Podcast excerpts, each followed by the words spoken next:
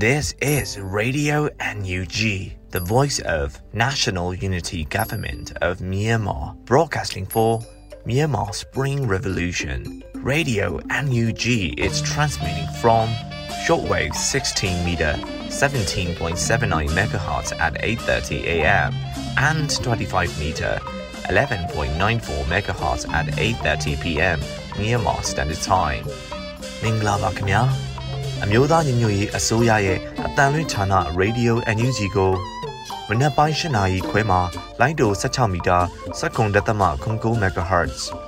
ညပိုင်း၈နာရီခွဲမှာလိုင်းတို25မီတာ17တက်သမ6 MHz တို့မှာဓာတ်ရိုက်ဖမ်းယူနိုင်နိုင်ပါပြီမင်္ဂလာအပေါင်းနဲ့ပြည့်စုံကြပါစေအခုချိန်ကစပြီး Radio NUG အစီအစဉ်တွေကိုဓာတ်ရိုက်အတန်လွှင့်ပေးနေပါပြီ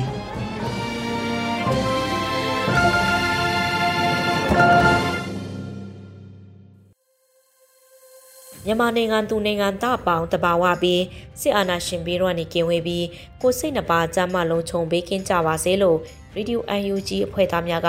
စုမုံကောင်းတောင်းပေးလိုက်ပါရရှင်။အခုချိန်ကစပြီးကာကွယ်ဝင်ကြီးဌာန၏စစ်ရေးတရင်ချင်းချုပ်ကိုလွတ်လပ်နေုပ်ကဖတ်ကြားတင်ပြပေးပါမယ်ရှင်။အမျိုးသားညွှန်ရေးဆိုရကာကွယ်ရေးဝန်ကြီးဌာနမှထုတ်ပြန်တဲ့နေ့စဉ်စစ်ရေးတရင်ချင်းချုပ်တွေကိုတင်ပြပါတော့မယ်။ တိုက်ပွဲများမှာအကြမ်းဖက်အာဏာသိမ်းစစ်ကောင်စီဘက်မှရန်သူတပ်သားတေဆုံးသူဥယေစုံစမ်းဆဲဖြစ်ပြီးတော့ဒဏ်ရာရသူဥယေကတော့6ဦးဖြစ်တယ်လို့သိရပါတယ်။အာဏာသိမ်းအကြမ်းဖက်စစ်တပ်နဲ့တိုက်ပွဲဖြစ်ပွားမှုတည်င်းများမှာကရင်ပြည်နယ်မှာဇူလိုင်လ14ရက်နေ့နေ့လယ်2:10မိနစ်မှ4:45မိနစ်ထိကရင်ပြည်နယ်မြဝတီမြို့တောင်ဘက်ရှိကြီးကပလဲရန်သူစစ်ကောင်စီတပ်စခန်းကုန်းကိုထောက်လန်းရေးအဖွဲ့များကဒရုန်းအုံပြုဘုံကျဲတိုက်ခိုက်ခဲ့ကြပါတယ်။တိုက်ခိုက်မှုမှာစခန်းကုန်းရှိအဆောက်အုံတစ်လုံးမိလောင်ပျက်စီးပြီးရန်သူဘက်မှထိခိုက်သေးဆုံးမှုအခြေအနေများကိုအတိမပြုနိုင်သေးကြောင်းသိရပါတယ်။ချင်းပြည်နယ်မှာဇူလိုင်လ23ရက်နေ့နေ့လယ်12နာရီခန့်ကချင်းပြည်နယ်ကံပက်လက်မြို့မှာတပ်ဆွဲထားတဲ့ရန်သူစစ်ကောင်စီတပ်သားများကိုချင်းကာကွယ်ရေးတပ်ဖွဲ့ကံပက်လက်ကလက်နက်ကြီးဖြင့်ပစ်ခတ်တိုက်ခိုက်ရာရန်သူစစ်ကောင်စီတပ်သားများထိခိုက်ဒဏ်ရာရရှိသူများပြခဲ့ပါတယ်။နေ့လယ်2နာရီခန့်မှာလည်းလက်နက်ငယ်လက်နက်ကြီးများနဲ့အပြန်အလှန်ပစ်ခတ်မှုထပ်မံဖြစ်ပွားခဲ့ပါသေးတယ်ခင်ဗျာ။ တနင်္သာရီတိုင်းမှာတော့ဇူလိုင်လ12ရက်နေ့ည9:30မိနစ်ခန့်ကတနင်္သာရီတိုင်းပလောမြို့နယ်ပလောကုန်းရွာရန်သူစစ်ကောင်စီတပ်များတပ်ဆွဲထားသောကင်းစခန်းငယ်အနီးရှိရွာတရားကို KNDO ဦးစီးတဲ့ဖူရိယခညီနောင်စစ်ကြောင်းကမိုင်းဆွဲတိုက်ခိုက်ခဲ့ရာနှစ်ဖက်ပြန်လည်ပစ်ခတ်မှုတနင်္လာရီနီးပါးခန့်ကြာမြင့်ခဲ့ပြီးရန်သူစစ်ကောင်စီတပ်သားများထိခိုက်သေးဆုံးမှုရှိကြောင်းသိရပါတယ်။ဇူလိုင်လ14ရက်နေ့နေ့လယ်12နာရီခန့်ကတနင်္သာရီတိုင်းလောင်းလုံးမြို့နယ် နကန်တော်ကြေးရွာတဝိုက်မှာရန်သူစစ်ကောင်စီတပ်နဲ့ပြည်သူ့ကာကွယ်ရေးတပ်များနှစ်ဖက်တိုက်ပွဲဖြစ်ပွားခဲ့ကြောင်းသိရပါတယ်။မကွေးတိုင်းမှာတော့ဇူလိုင်လ14ရက်နေ့ညနေ4နာရီခန့်မှညနေ6နာရီချိန်ခန့်ထိမကွေးတိုင်းဂံကောမြို့နယ်တောင်ခင်ရန်နယ်မြေရဲစခန်းမှထွက်လာသောရန်သူစစ်ကောင်စီတပ်နဲ့ပြူစောတိပူးပေါင်းအင်အား30ဦးခန့်ကိုဂံကောခရိုင်အမှတ်1အမှတ်7အမှတ်14တပ်ရင်းတို့နဲ့ပကဖပူးပေါင်းအင်အား52ဦးတို့ကို ကံကောခရိုင်တပ်ရင်း7မှာတက်ခွဲ1တက်ခွဲမှုကံကောခရိုင်တပ်ရင်း1မှာတက်ခွဲ4တက်ခွဲမှုနဲ့ကံကောခရိုင်တပ်ရင်း14မှာတက်ခွဲ1ဒုခွဲမှုတို့ပူးပေါင်းဦးစီးပြီးပြစ်ခတ်တိုက်ခိုက်ခဲ့ကြပါတယ်။ထို့သောတိုက်ခိုက်ရမှာရန်သူဘက်မှထိခိုက်သေးဆုံးသူဥယေကိုစုံစမ်းစီစစ်ဆဲဖြစ်ပါတယ်။မြောက်ခင်ရန်ပြူစောတိရွာမှာလက်နက်ကြီးလက်နက်ငယ်များဖြင့်ပြန်လည်ပစ်ခတ်ခဲ့ရာတလင်းရွာတွင်းသို့ကြာရောက်ပောက်ကွဲခဲ့ပြီးပြည်သူများရဲ့ဝက်နှကောင်တေဆုံးကထိုင်းနွားနှကောင်တန်ရာမစိုးရိမ်ရရရှိခဲ့က PDF တပ်ဖွဲ့ဝင်များဘက်က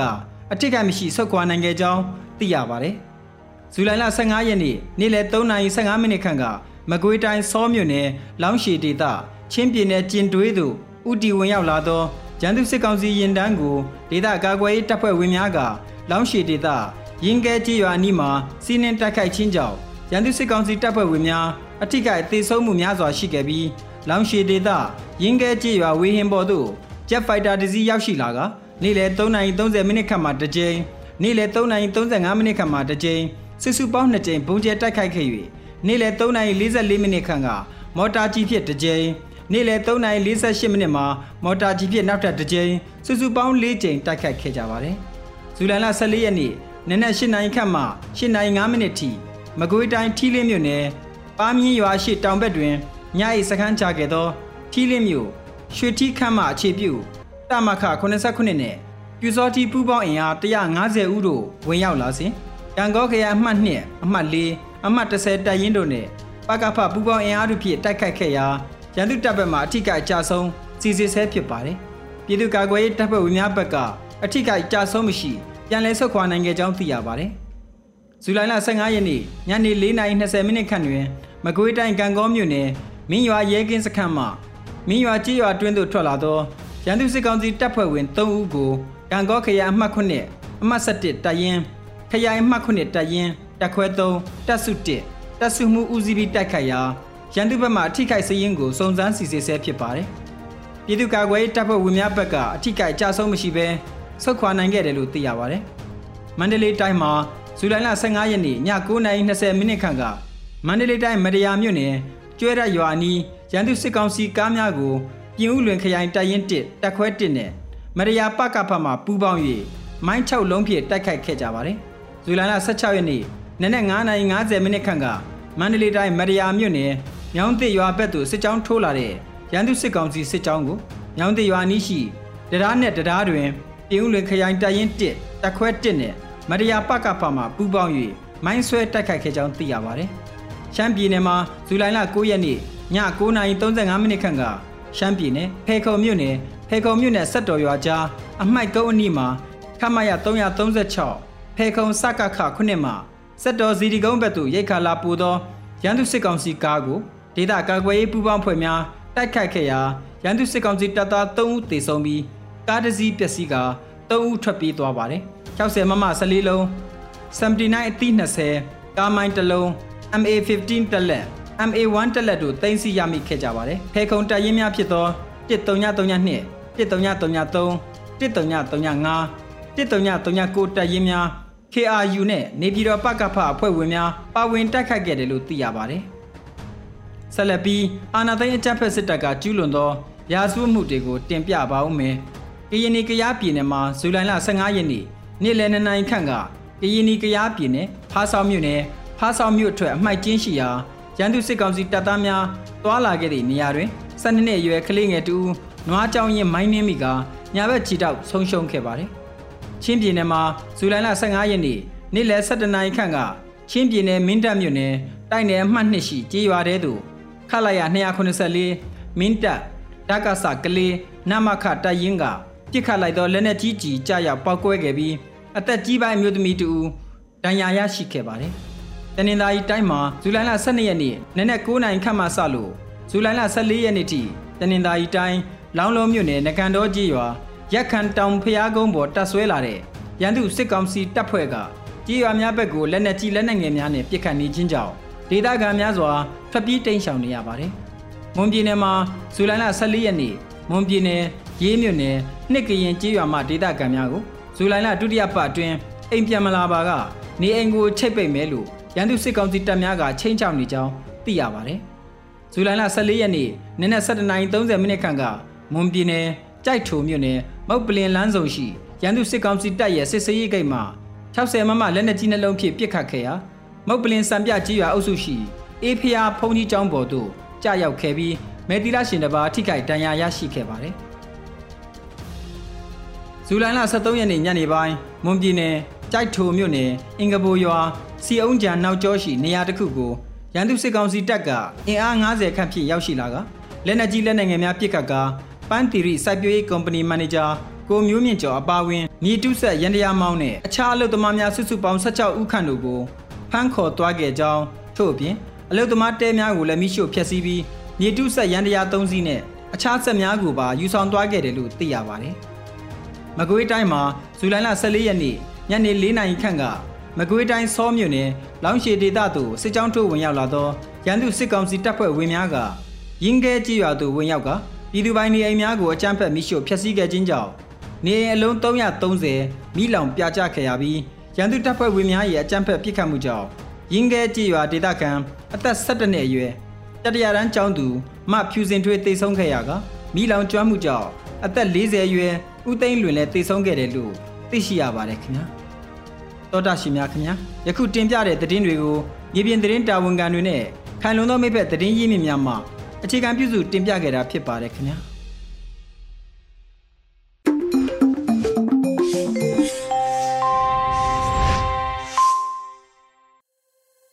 ဆလပီရေဒီယို UNG ရဲ့ပြည်တွင်းသတင်းများကိုຫນွေဦးမွန်ကဖတ်ကြားတင်ပြပေးသွားပါမယ်ရှင်မင်္ဂလာပါရှင်။ 2023ခုနှစ်ဇူလိုင်လ18ရက်နေ့ Radio NUG မနက်ခင်းပြည်တွင်သတင်းတွေကိုတင်ပြပေးသွားမှာဖြစ်ပါတယ်။ကျွန်မကတော့ຫນွေဦးမွန်ပါ။ဖက်စစ်အကြမ်းဖက်ခေါင်းဆောင်မင်းအောင်လှိုင်ဟာလက်ဝေခံလက်နက်ကိုင်ဖွဲ့တွေကိုကောင်းစွာမထိန်ချုပ်နိုင်တော့ဘူးလို့ယာယီသမရပြောကြားတဲ့အကြောင်းအရာကိုတင်ပြပေးပါမယ်။ဖက်စစ်အကြမ်းဖက်ခေါင်းဆောင်မင်းအောင်လှိုင်ဟာလက်ဝေကန်လက်နက်ကိုင်ဖွဲ့တွေကိုကောင်းစွာမထိန်ချုပ်နိုင်တော့ဘူးလို့ယာယီသမရဒူဝါလက်ရှိလာကပြောကြားလိုက်ပါတယ်။ဇူလိုင်လ16ရက်အမျိုးသားညီညွတ်ရေးအစိုးရ ယာယီသမရဒူဝါလက်ရှိလာမှာပြည်သူများထံသို့သတင်းစကားပါဆိုလိုက်ပါတယ်။ဖက်စစ်အကြမ်းဖက်ခေါင်းဆောင်မင်းအောင်လှိုင်ဟာသူ့ရဲ့လက်ဝေကန်လက်နက်ကိုင်ဖွဲ့တွေကိုကောင်းစွာမထိန်ချုပ်နိုင်တော့တဲ့အပြင်လက်တွေ့မှာလည်းကျွန်တော်တို့မျိုးသားညီညွတ်ရေးအစိုးရပြည်သူ့ကာကွယ်ရေးတပ်ဖွဲ့တွေနဲ့တော်လိုင်းအင်အားစုတွေရဲ့နေမြေစိုးမိုးထားနိုင်မှုတွေကိုခြောက်ချားတုံလုံးစွာနဲ့တုံ့ပြန်နေတာကိုတွေ့နိုင်ပါတယ်လို့ဆိုပါတယ်။လက်ရှိမှာပြည်သူစစ်နဲ့နေကြားဆောင်တပ်ဖွဲ့များကလည်းစစ်ကောင်စီကိုပြန်လည်တိုက်ခိုက်နေပြီလို့သိရပါတယ်။ ပြည်သူခုခံတွန်းလှန်စစ်ကာလအတွင်းမှာပြည်သူ့ကာကွယ်ရေးတပ်ဖွဲ့များနဲ့တိုင်းသားတော်လိုင်းအင်အားစုများပူးပေါင်းတိုက်ခိုက်မှုကြောင့်စစ်ကောင်စီတပ်ဖွဲ့ဝင်3000ကျော်သေဆုံးခဲ့ပါတယ်ရှင်။နိုင်ငံရေးကျင်းသားများအားလုံးမိသားစုနဲ့တွေ့ဆုံခွင့်ရပြီးလိုအပ်သောစေဝါနဲ့စားတောက်ဆိုင်ရာစောင့်ရှောက်မှုများရရှိရန်ခွင့်ရရှိတယ်လို့ဆိုလိုက်တဲ့အကြောင်းအရာကိုဆက်လက်တင်ပြပေးပါမယ်။နိုင်ငံရေးကျင်းသားများအားလုံးမိသားစုနဲ့တွေ့ဆုံခွင့်ရပြီးလိုအပ်တဲ့စေဝါနဲ့စားတောက်ဆိုင်ရာစောင့်ရှောက်မှုများရရှိရန်ခွင့်ရရှိတယ်လို့ ပြည်ထောင်စုဝန်ကြီးဒေါက်တာဆဆာကဆိုပါတယ်။ Asia Zero သတင်းဌာနကို NUGPP ဆိုင်ရာပူးပေါင်းဆောင်ရွက်ရေးဝန်ကြီးဒေါက်တာဆဆာကပြောကြားခဲ့တာပါ။ကျင်းသားများအားလုံးဟာ၎င်းတို့ရဲ့အခြေအနေများမိတို့ပင်ရှိစေကမူ၎င်းတို့၏မိသားစုများနှင့်မက်ဆေ့ဖလှယ်နိုင်ပြီးလိုအပ်သောစေဝါနှင့်စားသောက်ဆိုင်ရာစောင့်ရှောက်မှုများရရှိရန်အခွင့်အရေးရှိကြောင်းအလေးပေးဖော်ပြရန်မှအရေးကြီးပါတယ်။မြန်မာစစ်တပ်ကဒီအခြေခံလူခွင့်ရေးတွေကိုလေးစားမှုမရှိအောင်နေမကဘဲ သူတို့ကိုကြမ်းတမ်းစွာချိုးဖောက်ခဲ့တာပါလို့ဝန်ကြီးကဆိုပါတယ်။2021ခုနှစ်စစ်တပ်အာဏာသိမ်းချိန်မှာ2023ခုနှစ်ဇူလိုင်လ14ရက်နေ့ထိတိုင်ဖမ်းဆီးခံခဲ့ရသူစုစုပေါင်း23,880ဦးရှိပြီးအဲ့ဒီထဲမှာ19495ဦးမှာထိမ့်သိမ်းခံရရဆဲဖြစ်ကထိမ့်သိမ်းခံရသူများအနက်မှ6843ဦးမှာထောင်ဒဏ်ချမှတ်ခြင်းခံထားရပါတယ်ရှင်။ ဘင်္ဂလားဒေ့ရှ်မှရိုဟင်ဂျာများနေရပြန်ပို့ရသည့်ဆန္ဒအလျောက်ဘေးကင်းရန်နဲ့ဂုံတိတ်ခါရှိပြီးရေရှည်တည်တံ့ရမည်ဟုရှင်းလင်းထားတော့လေ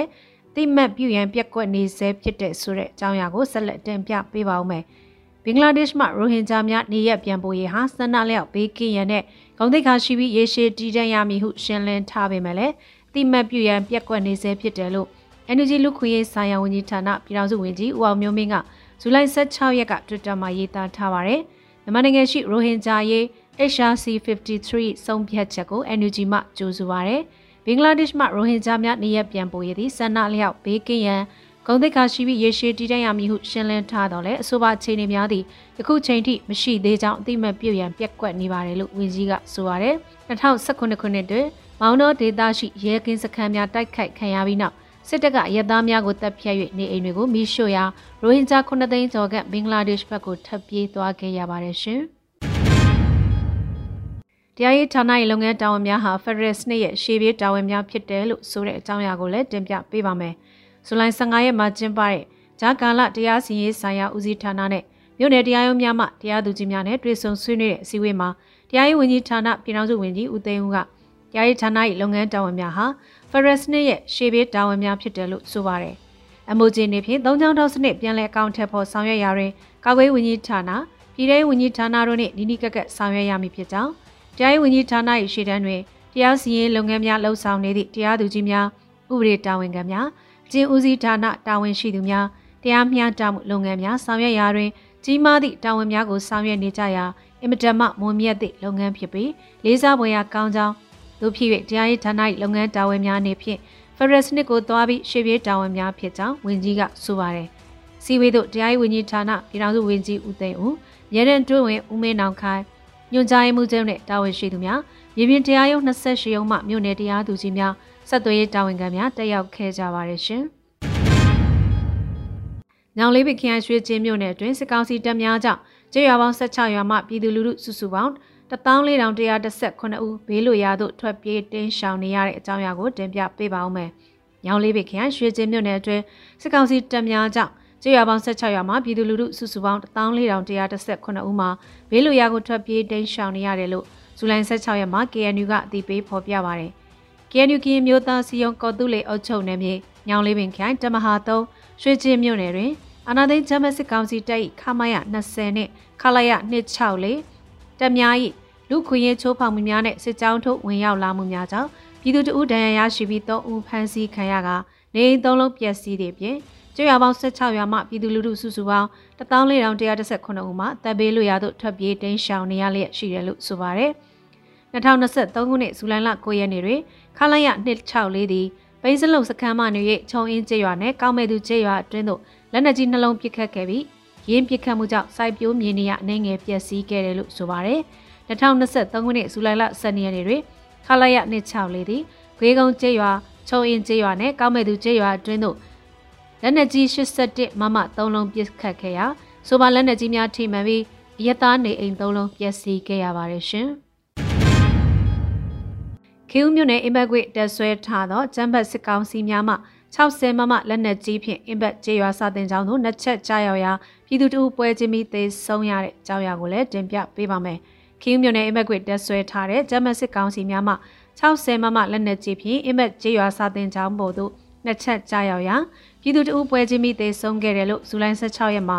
KU People Defense Force ကတည်ပြုဆိုပါရယ် KU မြို့နယ်အင်ဘက်ကွေတက်ဆွဲထားသောကျမ်းဘတ်စစ်ကောင်စီတပ်များမှ60မမလက်နက်ကြီးဖြင့်အင်မက်ကျွေးရွာစာတင်ချောင်းတို့ နှစ်ချက်ကြားရောက်ရာပြည်သူတဦးပွဲချင်းမိသေးဆုံးတဦးထိခိုက်ဒဏ်ရာရရှိတယ်လို့သိရပါတယ်လို့ဆိုပါတယ်။နီနာဝင်းကြီးရှိပြည်သူများနဲ့တော်လင်းရဲဘော်များအထူးဂယူဆိုင်ကြဖို့ခင်ဦး KU PDF ကအသိပေးထားပါတယ်ရှင်။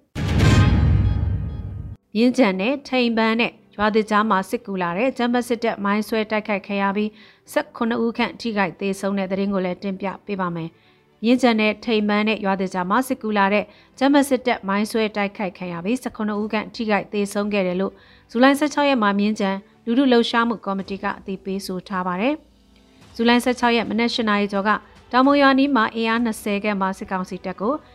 MGN 35နဲ့ဘိုးဆက်ကားတို့အဖွဲ့စောင့်ကြိုတိုက်ခိုက်ခဲ့ပါတယ်။စစ်ကူလာတဲ့ကားနှစ်စီးကိုထိမ်မန်းတဲ့ရွာသစ်ကြားမှာ12လုံးမိုင်းဆွဲခဲ့ရာ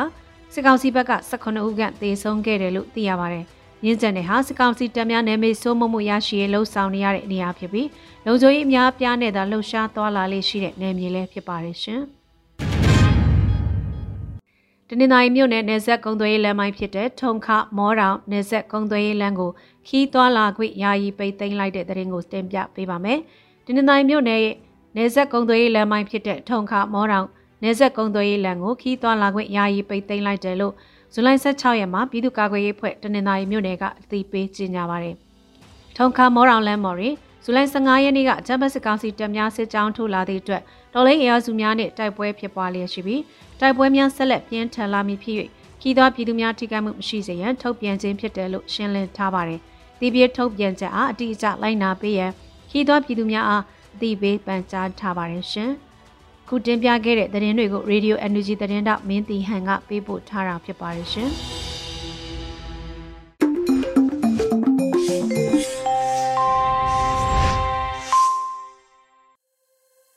Radio UNG မှာဆက်လက်တန်လှည့်နေပါတယ်။ယခုဆက်လက်ပြီးနိုင်မွန်အောင်သွေးရေးသားထားတဲ့ငှက်ကြီးတောင်ရဲ့ရေးရစားဆိုတဲ့တွန်လိုင်းကပြတပုတ်ကိုလွတ်လပ်နေဦးကခန်းစားရဖတ်ထားပါတယ်ရှင်။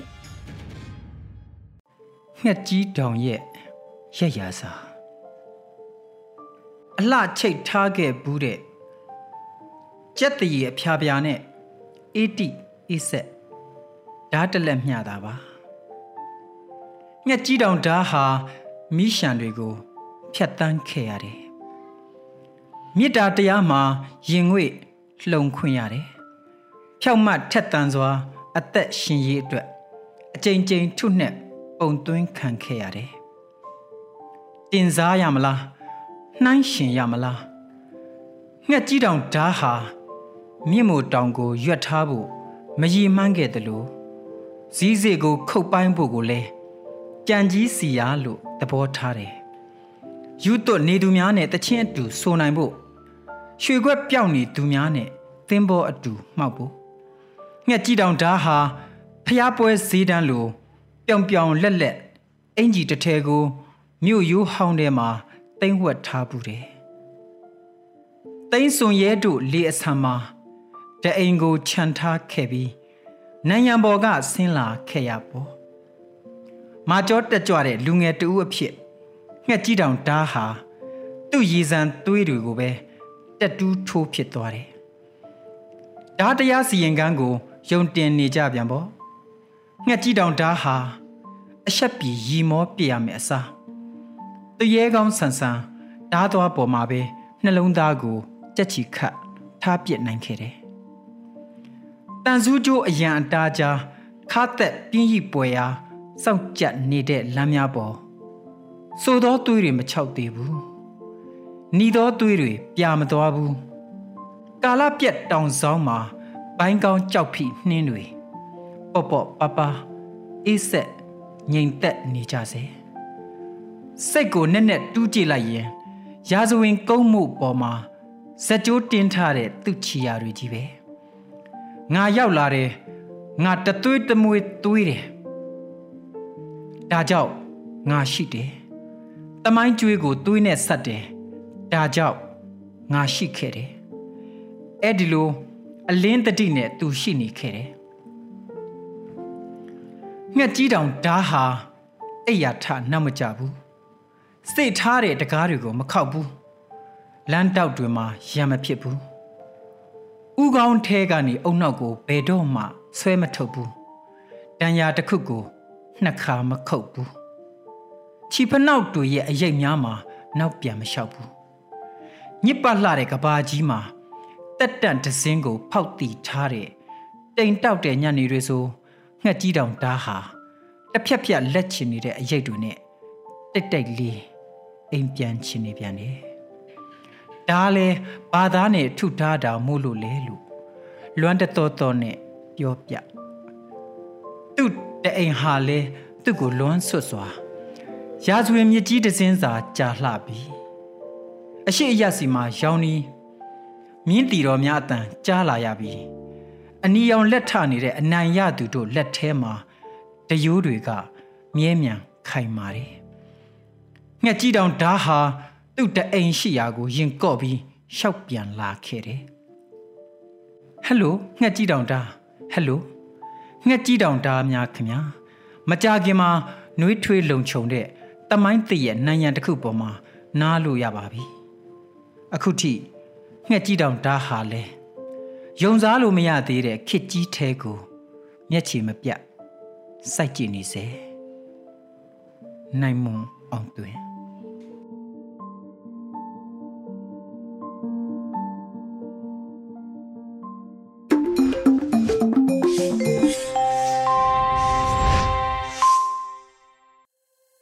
ဆက်လက်ပြီးတင်ဆက်ပေးမှာကတော့တယ်လီကျမ်းမှာပင်ရပေးစီစဉ်ဖြစ်ပါတယ်။ဒေါက်တာဇီဗာကိုကတင်ဆက်ထားတဲ့သွေးလွန်တုပ်ကွေးယောဂအကြောင်းသိမှတ်စရာများကိုနားဆင်ရမှာဖြစ်ပါတယ်ရှင်။အားလုံးပဲမင်္ဂလာပါ။ကျွန်တော်ကတော့ဒေါက်တာဇီဗာကိုဖြစ်ပါတယ်။ဒီနေ့ကျွန်တော်ဝေမျှပေးသွားမယ့်အကြောင်းအရာကတော့သွေးလွန်တုပ်ကွေးယောဂအကြောင်းပဲဖြစ်ပါတယ်။သွေးလွန်တုပ်ကွေးယောဂဆိုတာသွေးလွန်တုပ်ကွေး virus ပိုးကိုတည်ဆောင်လာတဲ့ AIDS လို့ခေါ်တဲ့ချင်းကိုက်လို့ဖြစ်တာပါ။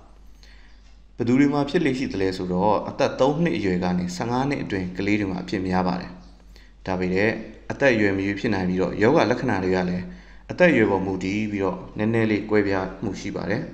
။ဒီတော့ယောဂလက္ခဏာဘာတွေလဲဆိုလို့ရှိရင်အများအဖြစ်ပြင်းထန်တဲ့တုပ်ကွေးရဲ့ယောဂလက္ခဏာတွေပဲဖြစ်လေရှိပါတယ်။အယိုးကွဲအဖျားလို့တောင်ခေါ်ရလောက်တဲ့တခါတည်းအယိုးစစ်တွေကြိုက်ခဲနာကျင်နေတတ်ပါတယ်။ ယောဂဖြစ်စေတဲ့ခြင်ကိုက်ခံရပြီး3ရက်ကနေ14ရက်အတွင်းမှာချမ်းတုံပြီးအဖျားကြီးခြင်းမျက်လုံးအောက်ပြီးခေါင်းရမ်းကိုက်ခြင်း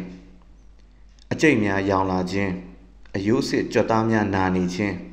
အလုံးမင်းပင်ပန်းနွမ်းနယ်ပြီးနှုံးနေခြင်းတို့ဖြစ်နိုင်ပါတယ်။ဒါအပြင်ဘိုင်းနာခြင်းမအီမသာဖြစ်ခြင်းပြုတ်ဟန်ခြင်းများလည်းဖြစ်တတ်ပါတယ်။အနီဇက်တွေကလည်းခန္ဓာကိုယ်အရေးပြားပေါ်မှာ၃ရက်မြောက်နေ့မှာပေါ်လာတတ်ပါတယ်။ အဖျားက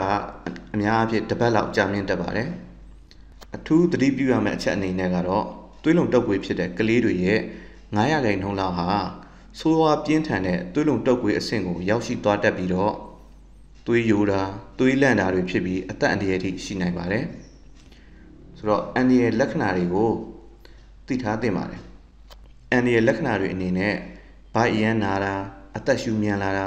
ကော်ဖီရောင်တွေအဆက်မပြတ်အန်လာတာ တပုံးသွေးရတာနဲ့ကလေးဟာနှုံးခွေနေခြင်းဒါမှမဟုတ်ကနာမငြိမ်ဖြစ်ခြင်းတို့စတဲ့လက္ခဏာတွေပေါ်လာပြီဆိုရင်တော့အန်ဒီရဲ့လက္ခဏာတွေအဖြစ်သတိပြုရမှာဖြစ်ပါတယ်သွေးလန့်တာကအများအဖြစ်ဖြားပြီးတော့၃ရက်ကနေတစ်ပတ်အတွင်းဖြစ်တတ်ပါတယ်နောက်ထပ်သတိပြုရမယ့်အချက်တစ်ချက်ကတော့သွေးလန့်ခြင်းမဖြစ်ခင်မှာအဖျားကျသွားတတ်ပါတယ်အဲ့ဒါကိုနေကောင်းသွားပြီထင်ပြီးတော့အန်ဒီရဲ့လက္ခဏာတွေကိုလစ်လျူရှုမိတတ်ပါတယ် အန်ဒီရဲ့လက္ခဏာတွေပေါ်လာပြီးနောက်24နိုင်ကနေ48နိုင်ကအင်မတန်အရေးကြီးပါတယ်ဆေးရုံမှာကြက်ကြက်မမတ်ကူတာမှနောက်ဆက်တွဲဆိုးကျိုးတွေအသက်အန္တရာယ်ရှိမှုတွေကိုကာကွယ်နိုင်မှာဖြစ်ပါတယ်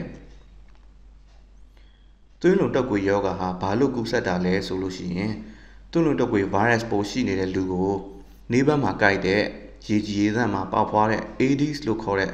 ခြင်ကကိုက်လိုက်ပြီးတော့ခြင်ရဲ့ကိုယ်ခန္ဓာမှာ virus တွေကပွားပါတယ်။အဲ့ဒီခြင်ကပြန်ကိုက်လိုက်တဲ့လူမှာ သွေးလွန်တုပ်ကွေယောဂဖြစ်စေတာဖြစ်ပါတယ်။ဆိုတော့သွေးလွန်တုပ်ကွေယောဂမဖြစ်ပွားအောင်ဘယ်လိုကာကွယ်ရမလဲဆိုတော့အယိုးရှင်ဆုံးဒီလန်ကတော့ခြင်ကိုက်မခံရအောင်နေတာပဲဖြစ်ပါတယ်။ကလေးတွေကိုအင်ဂျီလက်ရှိဘောင်းဝီလက်ရှိဝုတ်ပေးရမယ်။ကလေးတွေအိတ်နေလို့ရှိရင်ခြင်အောင်ထောင်ပေးရပါမယ်။ဆေးစိမ်ခြင်အောင်အသုံးပြုရင်ပိုပြီးတော့ကောင်းပါတယ်။ခြင်မကိုက်အောင်လိမ့်တဲ့ဆေးတွေ mosquito repellent တွေလိမ့်ပေးလို့ရပါတယ်။ကလေးကိုအလင်းရောင်ရတဲ့နေရာမှာပဲ ကစားစေရပါမယ်။နောက်ပြီးတော့ခြင်ပေါက်ဖွာမှုမရှိအောင်ဖုံးတုံလဲစစ်နီးလန်းတွေလုပ်ပေးလို့ရပါတယ်။ရေစီရေအိုးတွေရေလောင်ကန်တွေကိုဖုံးအုပ်ထားရမယ်။ပိုးလောင်လန်းတွေပေါက်ဖွာနိုင်တဲ့ရေဝတ်နိုင်တဲ့ဂျိုက်ခွက်တွေကိုမြေဖို့ရမယ်။ပန်းအိုးတွေရေအိုးတွေညောင်ရီအိုးတွေစတာတွေကိုနေ့စဉ်တိုက်ချုပ်ပြီးတော့ရေလေးလှည့်ရမယ်မိုးရေတွေတင်ပြီးတော့ဝင်နေနိုင်တဲ့အိုးအဟောင်းတွေတာယာအဟောင်းတွေကိုစွန့်ပစ်ရပါမယ် သူ့နဲ့တုပ်ကွေယောဂကုသနည်းကတော့ virus ပိုးကြောင့်ဖြစ်တဲ့ယောဂဖြစ်တဲ့အတွက်ကြောင့်ပိုးသက်ဆေးမလိုပါဘူးနာကျင်ကြိုက်ခဲတာတွေဖျားနာတာတွေအတွက်ပါရာစီတမောတိုက်လို့ရပါတယ်အရင်မင်းများတိုက်ရပါမယ်အန်ဒီရဲ့လက္ခဏာတွေကိုအထူးသတိထားစောင့်ကြည့်ပြီးတော့အကယ်၍ဖြစ်ပွားလာပါကအဲ့ဒီအန်ဒီရဲ့လက္ခဏာတွေပေါ်ပေါက်လာလို့ရှိရင်နီးဆုံးစေုံစေကန်းမှာတွားပြီးတော့ကုသမှုခံယူရမှာဖြစ်ပါတယ်ကျွန်တော်တို့ရဲ့ Telegram မှာ Facebook page မှာလည်းပိတ်ရမရှိအခမဲ့တိုင်ပင်ဆွေးနွေးလို့ရပါတယ် ကျွန်တော်ကတော့ဒေါက်တာဇီဗာကိုဖြစ်ပါတယ်မြန်မာပြည်သူပြည်သားများအားလုံးစစ်အာဏာရှင်စနစ်ဆိုးအောက်ကအမြန်ဆုံးလွတ်မြောက်ပြီးကျန်းမာချမ်းသာကြပါစေရေးတော်ပုံအောင်ရမည်တောတာရှင်များခင်ဗျာယခုနားဆင်နေကြတဲ့ရေဒီယိုအန်ယူဂျီရဲ့အစီအစဉ်တွေကိုရေဒီယိုလေးလိုင်းပေါ်မှာတိုက်ရိုက်ဖမ်းယူနားဆင်နိုင်တယ်လို့ website YouTube Telegram Facebook အစရှိတဲ့အခြားသော internet platform မျိုးစုံမှာလည်းမနေ့တစ်ကြိမ်ညတစ်ကြိမ် ပုံမှန်ထုတ်လွှင့်ပေးလျက်ရှိပါတယ် YouTube ပရိသတ်များအနေဖြင့် Radio UNG Channel ဖြစ်တဲ့ youtube.com/radiounug မြန်မာကိုဝင်ရောက် subscribe လုပ်ထားပြီးတော်လိုင်းရစ်အတွက်ထောက်ပို့ဝင်ငွေများကိုတစ်ဖက်တစ်လမ်းကပါဝင်ကူညီနိုင်တဲ့အကြောင်းအသိပေးတင်ပြအပ်ပါတယ်ခင်ဗျာ